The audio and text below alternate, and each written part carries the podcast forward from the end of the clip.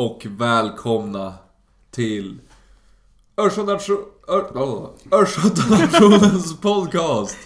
Wow. Första riktiga inspelningen för terminen. Ja. Vi sitter hemma hos Justus. Vi sipping on some old fashion. Yes. Har precis käkat middag. Ja. Det, var, det är typ det. Det är det som händer. Välkomna. Välkomna!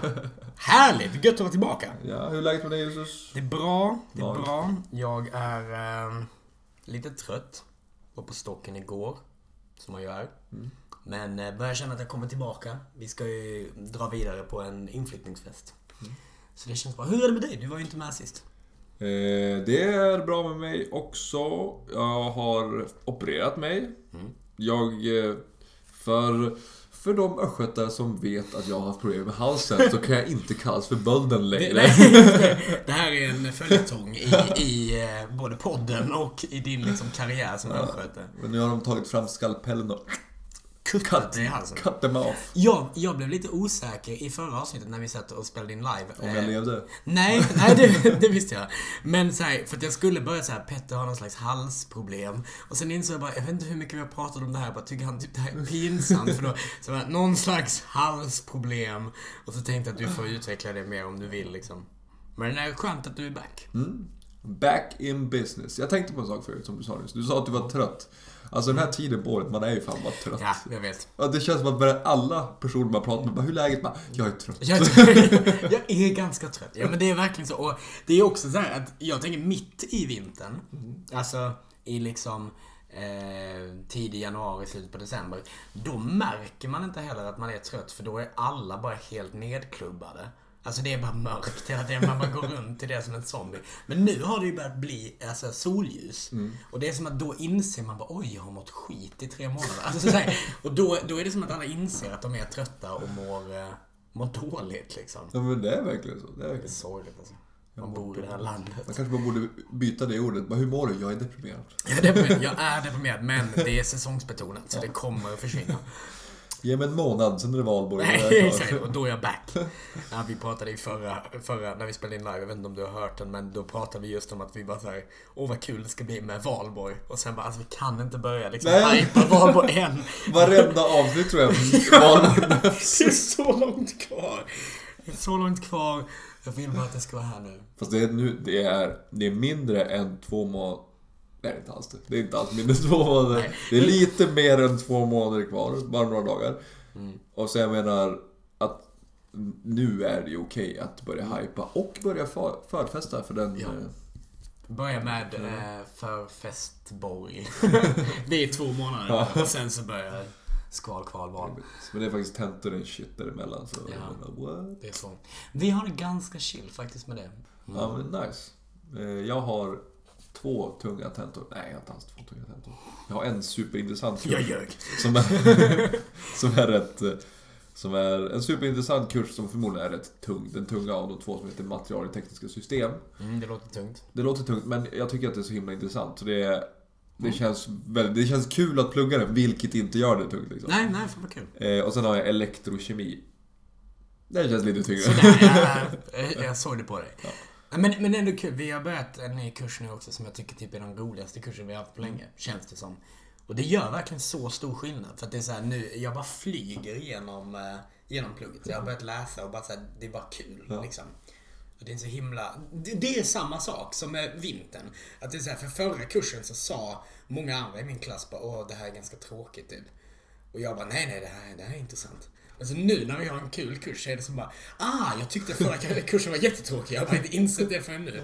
Så Jag kan, bara, jag kan bara se dig flyga genom molnen och så här, det kommer böcker mot Ja, dig, du bara slår bara, bort dem. Ja, Du bara tenta, river sönder yes, I got it, I got it. Ja, men det, det är faktiskt riktigt kul alltså. Vi fick också göra en övning nu. Eh, Jag läser till psykolog för de som inte liksom så följer den här podden slaviskt. Eh, Och eh, det är första gången vi hade en övning som kändes lite nära psykologyrket. För att vi pratade om så här eh, personlighetspsykologi och så affekter heter det som inte riktigt känslor utan typ så här gnistan till en känsla liksom. Eh, och då olika människor inom då den här teorin som vi läser nu, så olika människor har olika svårt för vissa affekter och liksom så använder inte dem. Och då, använder, då skulle vi analysera en person eh, med den här teorin. Liksom. Eh, och då sa föreläsaren att så här, jag har haft en patient som jag tycker vore jättebra att analysera, men eftersom så här, stället som den patienten kommer från är ganska litet så har jag inte filmat eller så. Så det vi ska göra är att vi ska kolla på en fiktiv person som är väldigt lik liksom, i hur han beter sig. Så vi kollade första kvarten av Solsidan. Och så fick vi all, Var Ove Sundberg? Nej, det var Alex. Ja. Så att vi satt liksom och analyserade honom och det var så kul. Och det kändes typ som att vara psykolog på riktigt. Så det var, alltså, typ det roligaste vi har gjort så far. Jag tyckte, alltså jag blev helt såhär speedad av det Ja. liksom.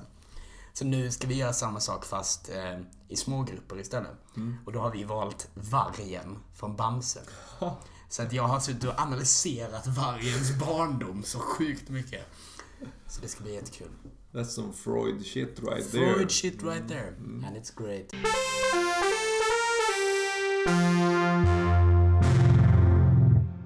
Men Justus, Ja. har du... eh, Har du tänkt på någonting kul de senaste tre månaderna? Fyra månader? Så senaste... jag känner att jag borde ha levererat någonting bättre nu. Det var verkligen så länge sedan. Det här, ja. Nej, alltså jag har ju tänkt på ganska mycket saker sedan dess. Eh, Men eh, det jag kommer ta upp är någonting som jag bara har tänkt en kort tid på. Sen vi började den här nya kursen då. För att eh, jag upprepar mig igen då ifall vi klipper i det här. Jag läser ju till psykolog. Och där försöker vi ju studera människan. Liksom. Och vi har läst ganska mycket kurser hittills om eh, metodik.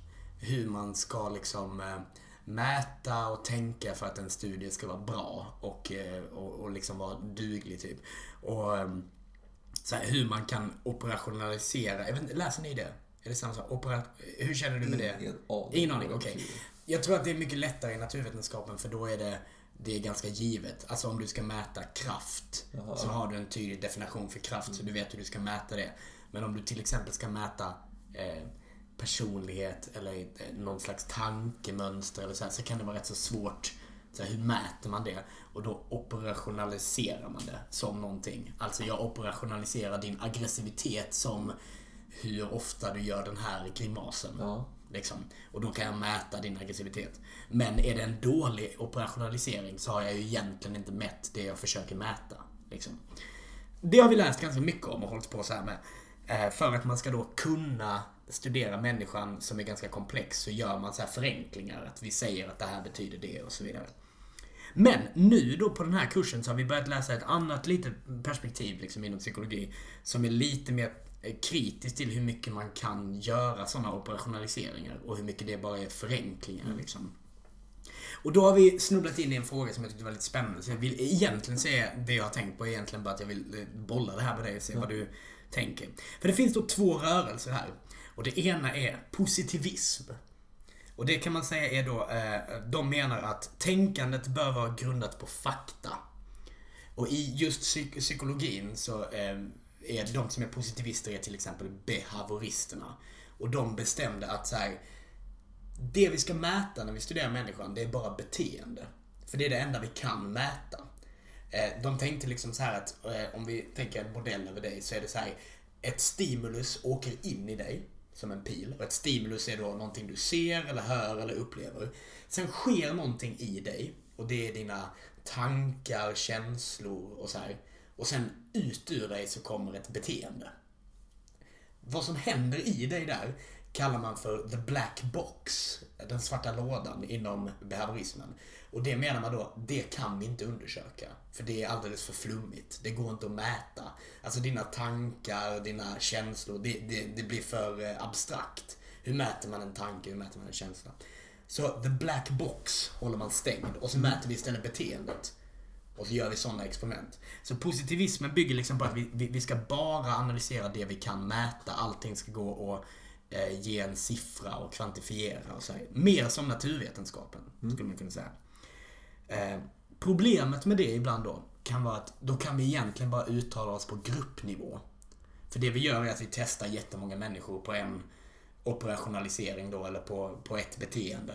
Och sen så säger man någonting svepande på gruppnivå. Men man kan egentligen aldrig uttala sig om en person. Alltså jag kan säga till exempel väldigt många ingenjörer har overall. Det har jag kommit fram till i min studie.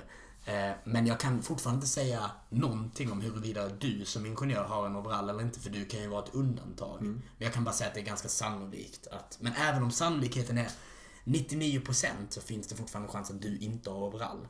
Liksom. Så det blir ju en förenkling lite av hur människan är. Liksom man försöker hitta mönster och någonting som går att säga att det här gäller för de flesta och så vidare. Men det, men det kanske inte alltid stämmer liksom. Den andra rörelsen då som vi eh, nu är inne på som är lite mer, ja, man kanske inte läser det lika mycket på psykologprogrammet, i alla fall i Uppsala. Det kallas för her... Jag kan inte riktigt uttala det här, men hermenetiken. Eller något sånt. Och den eh, används inom massa olika discipliner, men det, den syftar då mer på att tolkningen är det viktiga.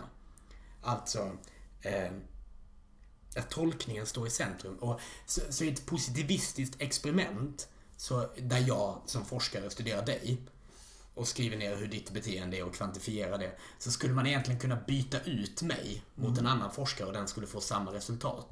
Men hermenetiken då menar att man kan inte byta ut forskaren för tolkningen är det viktiga. Hur jag tolkar ditt beteende som forskare är det som egentligen eh, kommer fram i experimentet. Så om man byter ut mig får man en ny tolkning. Alltså det som händer sker i ett samspel mellan forskaren och studieobjektet. Det här är ju svårt att applicera i typ kemi. För där tänker man sig ju ändå att det är ungefär samma tolkning som görs. Men just när man studerar människor liksom. Eh, och där har man då också då ett fokus mer på att människan är unik. Alltså man, man letar inte lika mycket efter mönster utan man studerar en människa och så skriver man mer kvalitativt då, hur upplever den människan den här depressionen istället för att så här, de flesta människor upplever depression så här. Lång utläggning. Det jag vill komma fram till är här så, vad, vad tror du sen? Kan människan reduceras till bara ett gäng atomer och partiklar som sätts ihop i vissa grupper och sen så kan alla människor eh, analyseras som eh, grupp eller flockdjur som rör sig enligt vissa mönster och som, som man kan säga någonting om generellt. Eller är varje människa liksom individ, individuell och det är egentligen svårt att komma fram till någonting på gruppnivå? Jag tror så här. Vi, vi börjar med i gruppnivå. Alltså att sj- Självklart kan man studera saker i gruppnivå. Man kan ju se olika mönster. Det finns ju stora vetenskaper om det här om man bara kollar på nationalekonomi. Hur människor... Det fungerar ju exakt så. Om, om man sänker räntan så kommer, eh, så kommer köpkraften gå upp. Alltså folk kommer börja köpa mer och det kommer man ju märka av på hela ekonomin. Liksom. Och det är ju ett gruppbeteende som, som sker. Men jag tror heller inte att man kan liksom jag tror- jag tror inte att man kan liksom skala ner människan till atomnivå för att, som du sa, för att, för att kolla. Utan man måste också ha en insikt i att människor är individer. Alltså det. det. Det, kommer inte bara vara så. Om man kollar tillräckligt stor skala kommer det att vara så, men inte... Det beror lite på liksom, hur stora de är. Alltså jag, jag, människor är unika, så är det ju bara. Mm. Och, eh, och även inte unika. Det är svårt det där. Det är men svårt, eh, ja, det är väldigt svårt. Ja men för jag tycker att det, alltså det blev lite så här konstigt, för, som du säger, det spelar ju, det, det är från tillfälle till tillfälle, det är klart att det, man har mer nytta av att prata i gruppnivå. Men just som eh, exemplet där med nationalekonomi, när vi läste kognition så pratade en av våra föreläsare rätt mycket om just att så här, nationalekonomerna gör rätt mycket antagande om hur människor tänker och fattar beslut. Som inte alltid då är helt grundade i psykologisk forskning om hur vi faktiskt, alltså så här, rätt många människor fattar, eller så här, de flesta beslut vi fattar är ganska irrationella och bygger på lite så här eh, genvägar vi tar i vårt tänkande och därför så ibland så blir det ju fel för Ja, man, precis, alltså, precis. Och då funkar det ju inte. Liksom. nej. Men det, det, jag tror att man måste... Jag tror det... Tillbaka till det här. Min, min mamma är ju psykolog. Så jag, Ja. har ju, jag har ju även med henne diskuterat mycket. Har, jag och Justus har haft världens diskussion om hon är psykolog eller psykiatriker. Justus hade rätt, hon är psykolog. Det blir en svår diskussion där det är så här, du känner din mamma och har levt med det jag levt, men jag har lite bättre koll på så här, vilka utbildningar som krävs för vilka jobb. Och så blev det lite så här, ja. Ja, Justus hade rätt. Yes. What- Whatever. Jag har diskuterat mycket sådana här saker med min mamma. Det som kommer fram till nu att eh, hon tror ju, eller tror och tror, men hon är inte såld i alla fall på att eh, det inte finns en själ eller att det inte finns liksom någon slags... Nu är det gudasynen vi pratar om Mm, då, det, men att liksom... Det finns mycket forskare inom psykologen som Mm. säger, det här är för övrigt källbaserat på min mamma. Ja, ja, absolut. mycket forskare inom psykologen som säger att, eh, att liksom människan är... Det finns någonting där som, som man inte kan förklara. Som liksom Mm. är... Eh, ja, men det som gör att vi får ett samvete och det som gör att vi faktiskt kan Just det. existera. Att det är, och det liksom, om det existerar nu, vilket jag tror att det gör. Mm.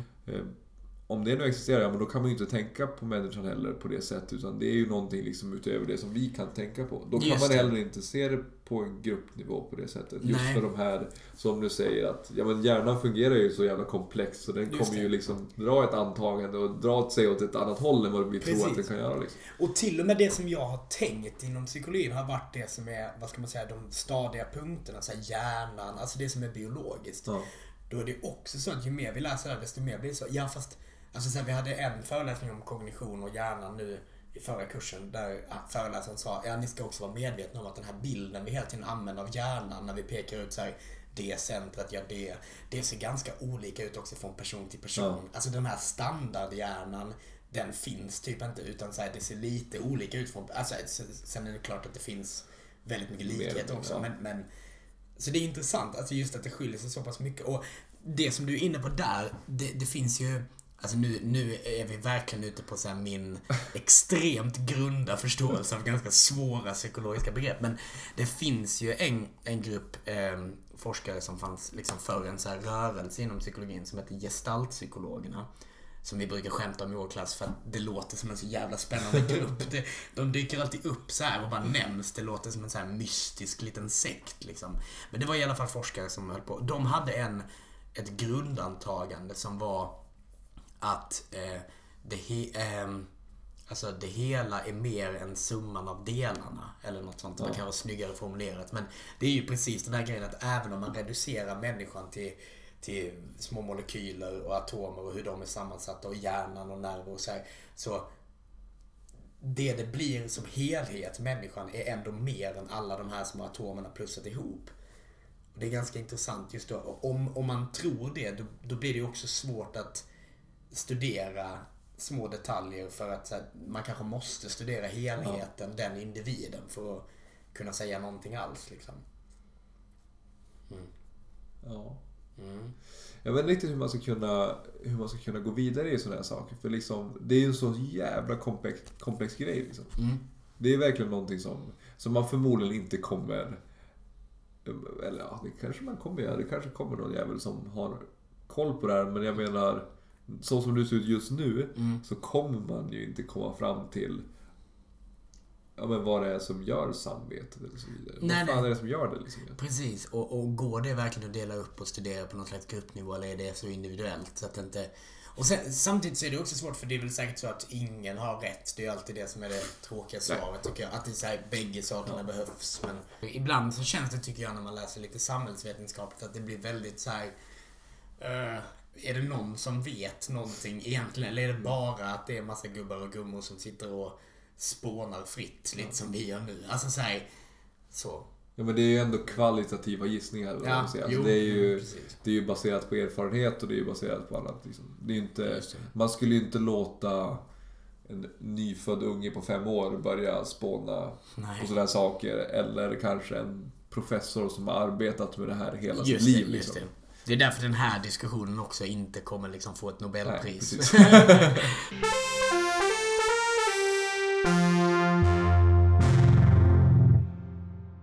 det var, eh, det, var det, det jag hade tror jag. Jag vet inte om, om, om vi landar i någonting alls. Men så här, det här är någonting jag har funderat. Jo! Ursäkta mig. Nej, okej. Vi klipper klipper bort en nysning. Men kan inte, du, eh, kan inte du berätta vad du har tänkt på? Du sa att du hade tänkt länge. Ja, länge länge. Ja. Eh, Press. Nej men så här, jag lyssnar ju rätt mycket på Jag lyssnar ju rätt mycket på musik. Mm.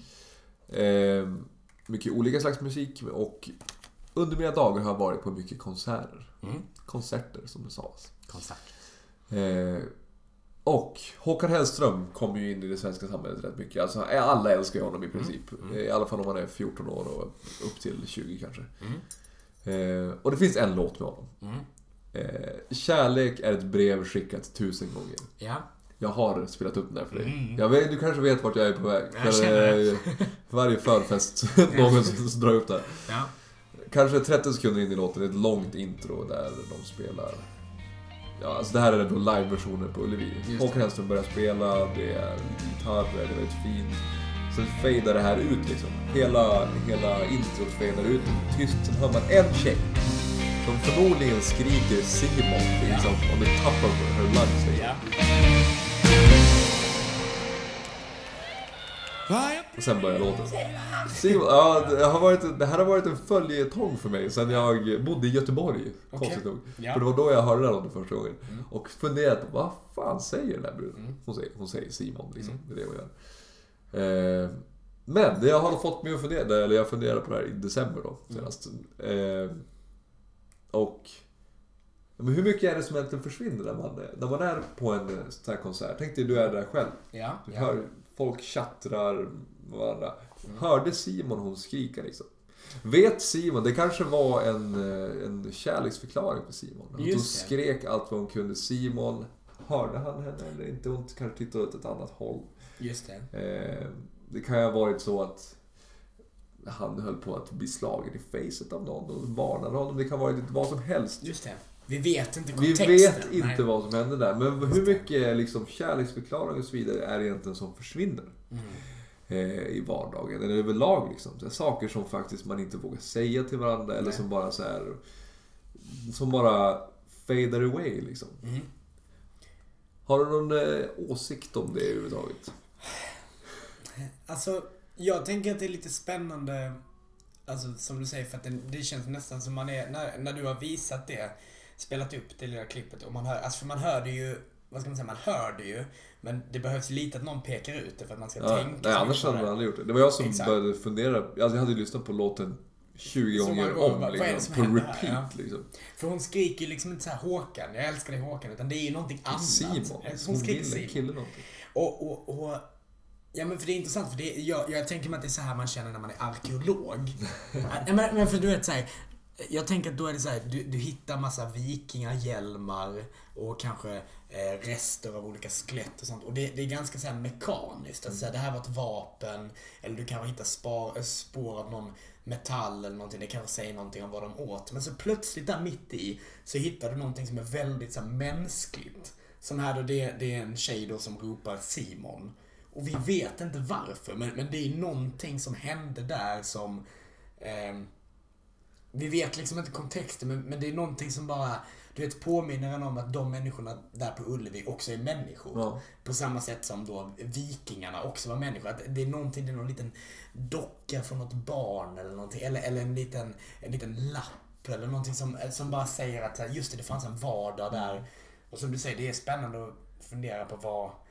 Alltså, man Men kan, inte bara just på vad hon säger, men tänk dig på så mycket saker som faktiskt försvinner. Tänk Mm. dig, du går ute på stan, du ser en snygg tjej, du Just det. tänker, eh, eller snygg kille om du är lagd åt det hållet. Absolut. Men liksom att man går fram, man vill säga hej till personen, man vill liksom bara, försvinn inte ur mitt liv. Men, Mm. Nej.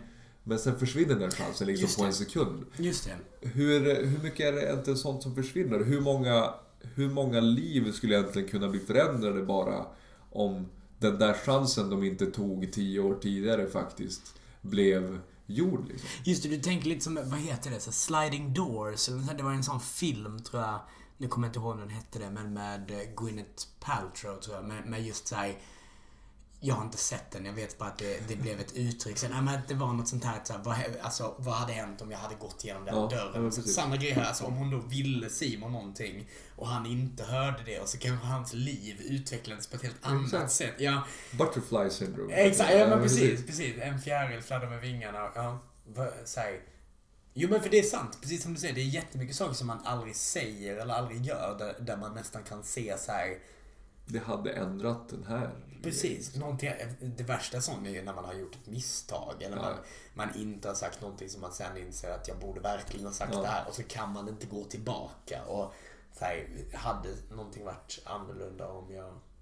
Det är jävligt intressant. Ja. Jag tänker om hon skulle säga Simon, jag tar dig tillbaka. Eller något Ja, sånt där. men exakt. Simon, att de- de Simon, jag älskar dig. Simon, jag bara, älskar dig. Han missade det. De kanske var kompisar och hon ville ha sagt det och så sa hon det där men så just då hånglade han med någon annan. Ja, men precis. Det Fick han aldrig reda på att hans bästa vän var kär i honom. Och, ja, mm. och han kanske också var kär i den här tjejen. Låt oss kalla henne Anna. Eh, och, eh, och Simon Anna hade kunnat ha liksom en, en spirande framtid som aldrig blev av för att liksom... Vi målar upp det här nu. Jag tror att Simon var en, jag tror att han var en kille på ungefär 1,85 cm lång, svarthårig kille. Lite, lite, lite skägg liksom. Han hade på sig en Håkan Hellström t-shirt, ett par svarta jeans och inte Converse, nej nej. Han Nej. hade fina sockar med lite mönster och ett par läderdojor av brun kvalitet, jag på säga, men bruna skor. jag ser honom framför mig. Hur tror du Anna såg ut? Jag tänker att Anna, eh, Anna var ganska mycket kortare än Simon. Eh, inte lika såld på Håkan Hellström. Hon kanske egentligen gillar mer techno liksom. Klädd mer så. Eh, Och därför hon vågade avbryta under det. Precis, för Håkan var inte så heligt för henne Nej. liksom. Nej, just det. Och jag tänker att Simon och Anna var ganska bra kompisar och Ja. har varit det länge liksom. Eh, och Anna har länge burit på den här starka känslan för Simon. Eh, Tror du att Anna liksom letade sig fram till Simon? Hon började liksom längst bak, tryckte sig igenom hela den här... I, I mitt huvud så har Simon och Anna precis innan konserten började haft ett moment. Mm. Men eftersom Anna inte riktigt litar på att Simon känner det som hon känner så har hon liksom skit i det momentet. Men sen så har Anna pratat med sin kompis som i mitt huvud kanske heter Patricia. Mm. Och Patricia har sagt så här, men du fattar du inte att Simon också är kär i dig? Du måste ju agera på det här. Och jag tror faktiskt att Simon också är... Alltså att är- Patricia har rätt. Ja, ja, Simon är kär, rätt. men han har sina grabbiga polare som sa skit i den tjejen här, ta en bärs. Och så har han supit sig Exakt. skitfull Och han den kvällen. vill bara att Anna ska komma och så här fatta att han är kär i henne. Mm. Och det är det som händer, det är att Anna tränger sig fram där och ropar så Simon liksom. Mm. Eh, Men eftersom att han är där längst framme så hör inte han det alls. Det tas upp i ljudupptagningen men ljudet är inte likadant inne på Ullevi. Och han står där med sina polare. Och sen kanske det är någon, någon tjej där som också är en trevlig person. Stefano. Stefano, det är ett killnamn tror jag. Absolut. I det här fallet. Nej, I det här fallet Hon kommer Stefano. från Georgien. Georgien, Stefano, absolut. Eh, Jag vet inte varför det blir så racial profiling. Nej, vi har pratat med om Georgien tidigare. Ja, okej, det är så. Ja, nej, men eh, eh, säg då Stefano. Och hon är också en superhärlig tjej egentligen, men det är inte Anna. Nej, precis. Det är inte han. Men han är så full. Hon är för, Stefano är förmodligen också väldigt full. Precis, och Så de- det blir någon sån här liten moment-grej. En liten puss på kinden som Precis, blir Stefano kanske mer. bara vill hångla med någon och Simon säger jag vill typ egentligen inte hångla men Anna kommer inte fatta. Hans, hans broiga polare står där och bara kör liksom. Mm. Och så hånglar han med Stefano och så kanske, kanske Anna ser det och vänder och springer därifrån. Tror du, det, just den här sekunden, för om vi säger så här, Simon hörde säger vi. Mm. Tror du den här sekunden, för det första bara att hela Ullevi bara släcker ner, det blir tyst. Han hör Simon, Mm. Håller liksom nästan i Stefano, gör, vänder sig om och ser Anna där. Hela den här situationen måste ju ha tagit en timme för honom att gå igenom Ja. i huvudet. Ja, ja, ja. Alltså liksom så här, den här korta sekvensen när det blir tyst på Ullevi. Mm. För honom var inte det en sekund utan det var 60 minuter liksom. När han vänder sig om väldigt, väldigt sakta. Ser besvikelsen i Annas ögon. Eller inte besvikelsen utan Nej. sorgen bara. Ja. Att han, hennes känslor inte besvarade. För jag Exakt. menar, Det är det hon tror hon, då ja. ja, men hon vet ju inte att han är det utan liksom hans... Han har ju ett eget liv. Precis, Hon, och för Anna är en smart tjej liksom. Hon Exakt. förstår att eh, om inte han är kär, ja men då kan jag göra själv. Det var det, hon blir ju ledsen bara för Hon att... kanske blir arg på Stefano men hon känner egentligen att det är ju inte hennes fel i det här läget utan det är ju att Simon inte känner som jag känner. Liksom. Och där förändras egentligen hela deras framtid. Det är ju faktiskt helt sjukt. Det, det, är det det starkaste Håkan Hellström någonsin har gjort? Att han har fångat det här, det här ögonblicket. Jag tror nästan det. Det mest äkta Håkan Hellström någonsin har gjort. Det ni att inte vet är att vi känner både Anna och Stefano. och det här är alltså exakt samma. Det så här det gick till. Och Anna gifte sig sen med en man som hette Pelle. Pelle. Och blev aldrig riktigt lycklig. Nej, för fan vad hemskt. Nu blev jag helt ledsen. Vi kan också tänka oss att det som hände var att Simon står där och bara, jag vill inte hångla. Och sen bara släcks det ner och så bara Hör hör han Simon. Och så bara, alltså Åh! det, det är en filmscen. Någon borde göra en dokumentär, en fake-dokumentär Precis. då. Men, Här, här Simon! Han bara slänger iväg Stefan. ja, Nej, inte slänger iväg. Och, och de Han är bara tränger sig fram och så hånglar de för första gången. Som Fast det är, inte, det är inte ett hångel. Ett hångel får det låta som Nej. att det, de slickar är varandra i ansiktet. Det är en kyss. Hollywood Med kyss. tunga. Mm, Ja, jag tror jag det. Ah, gud vad fint. De går inte hem. Eller jo, de går hem varandra den här kvällen. Men de har inte sex. De har inte sex, men de bara ligger och pratar och tittar varandra i ögonen. Gud vad fint. Jag blir helt rörd känner jag. Ja, verkligen. De är i Göteborg. De skulle kunna... Anna, hon bor precis... eh, Hon bor på öarna utanför där. Ja. Vad heter de här eh, öarna med... Ingen aning, jag har aldrig varit i Göteborg. Jo men eh, de här... De här, de här runda goda backarna kommer där. Hönö. Hönökaka. Hon kommer från Jo, Hönö. Hon kommer från, hon kommer från Hönö. Så de åker ut till Hönö, Mm. sätter sig på en klippa. Äter kanske en hörnebacka. Jag tänker att de dricker Pripps Blå. Ja, ja, det är konstigt att ha med sig en. Jag tänker att de dricker en Pripps Blå ute på klipporna. Till typ så här. Det blir ju aldrig mörkt eller så de sitter där till typ tre på natten sen bara Ja. Ska vi gå och lägga oss? Och så har de ett litet båthus som egentligen är byggt, det är ombyggt båthus till en liten eh, Det är bara en liten stuga där i, i princip bara en säng får plats. Mm. Men med en hel glasdörr som de bara öppnar upp. Ligger där och lyssnar på fåglarna i sängen och pratar med dem. Fint. Ah, Vad skönt att det slutade så här istället. Det var mycket finare. ja, det var faktiskt en bättre version av Och historien. idag så lever Anna och Simon happily ever. Och Stefano också. Ja. Och Stefan och Patricia blev tillsammans. Hooked up, ja precis. Exakt. Perfekt. Ja. Allting knöts samman. Och de här broiga kompisarna blev mycket mindre broiga. Eller slutade hänga med Simon. Ja, precis. Men alltså nu måste jag bara säga att podden kanske tror här att det här är en sak eller ja, det här kommer ju precis på det. Men just den här Simon-grejen har jag faktiskt tänkt på i typ så fyra år nu. Hur eh, den här brudna skrikit Simon. Jag kände att jag hade tjej. mycket Jag av antar de här... tjej. Ja, ja, precis. Det låter som en tjej. Ja. Det behöver inte vara. Nej, Men, men, men liksom det är rätt jobbigt att inte veta vad som hände här liksom. I wanna know. Exakt. För, för så, som vi jobbar nu, jobbar ju arkeologerna fast mycket mer grundat. Det kanske är så här, vad heter det? Positivismen och, vad heter det? Ehm, hermenetiken. Det här var hermeneutik vi precis gjorde. Ja, det kanske var... Eller?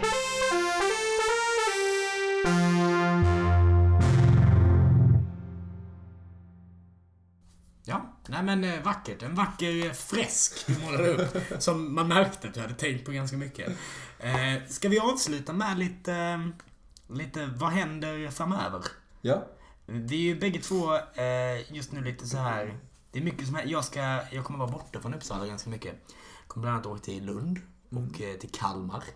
Och eh, till lite andra spännande ställen. Och jag är aktiv inom andra saker, så jag kommer upptagen därför. Och nästa gång ni ser mig kanske jag har jättelång träng. Just det.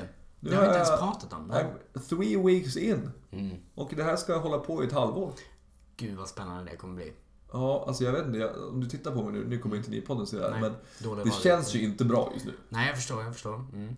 Alltså, det ser, jag tycker inte det ser så farligt ut, men jag förstår vad du menar. Det, det är ju det är en liten mellanfas. Det är tre, ja alltså det kommer ju ta tre månader innan det ser bra Både du och jag har ju pratat om också att vi inte har bäst skäggväxt i landet. Så det, det kommer vara spännande att se vad som händer. Given time. Ja, Eh, det blir bra. Ja, men eh, för, att, för en gångs skull så har vi läst på lite grann vad som händer på ÖG. Och det, det som ligger framför oss nu i eh, mars, det är att den 8 mars så är det landskap. Och då uppmanar vi såklart alla ÖG-medlemmar att rösta. För det är ju, gå dit, det är spännande. Man röstar olika poster. Man väljer väl, rätta mig om jag har fel nu, Mm. men man väljer väl inte nästa termins kuratorer? Nej. Eh, Hur många, hur många är det? Är det tre? det Eller två? Fyra kvar? kuratorier. Ja men, ja men precis. Ja, per år. Ehm, Det är fyllnadsval nu kanske? Nu är det Ja, nog fyllnadsval. Nästa är kuratorsval. Efter det så är det ämbetsmanna. Just det, men, men oavsett vad det är för val egentligen så kan det vara kul att gå på landskapet för att man eh, har i sin demokratiska rättighet att rösta liksom. Eh, och det kan vara... bara, det är bara två landskap. Det här borde vara ett kuratorsval. Ja men då så. Då är det ju superviktigt. Det är inte 1Q och eh, 3Q men det borde vara 2Q och 4Q va? Ja. ja. Spännande. Gå dit, använd era demokratiska eh, rättigheter. Rösta. uh, Uh, uh, uh. Man kan till exempel söka... Nej, det kanske man inte kan längre. Kan? Man kan. Eller? Det, gå dit. Man, om inget annat så ser man vilka ämbeten som finns. Det finns ju mycket kul som man inte vet om. Ja. Eh, sen den 10 mars så är det en herrmiddag. Och 24 mars är det en dammiddag. Jag har aldrig varit på någon av dem på ögat faktiskt. Uh, Herrmiddag var jag på förra året. Ja, Det var kul. svinkul. Jag kan tänka, Alltså det var helt otroligt kul. kan tänka mig det. Mm. Vi har typ tentat två dagar innan. Ja, jag tror typ att jag är bortrest. Så att, Eller eh, två dagar efter menar jag. Jag tror inte jag kan. Tyvärr. Men! Gör det Ja, alltså... resten. Herr och dammiddag överlag brukar ju vara väldigt kul. Så det rekommenderar vi. Ja. Ja, men det är väl det sen så i april så är det ju faktiskt Kvalborg-Valborg. Ehm, Temagask. Temagask 7 april, ja. Just det. Men... ehm, Det är långt ut. Vi, får, vi har förhoppningsvis poddat innan det. Ja, det får vi faktiskt försöka göra. Vi ska försöka, precis, ha någon slags, eh, liksom, vad heter det? Någon Kontinuitet. kontinuitet, precis. Så vi inte tappar alla våra, inom situationstecken, fans. Hej. Hej. ja, nej men eh, så eh, hope to see you at ÖG helt enkelt. Vi tackar väl för oss för den här gången och så är vi tillbaka igen så snart som möjligt. Ja, Ja. Hej då! Hej! Ha det!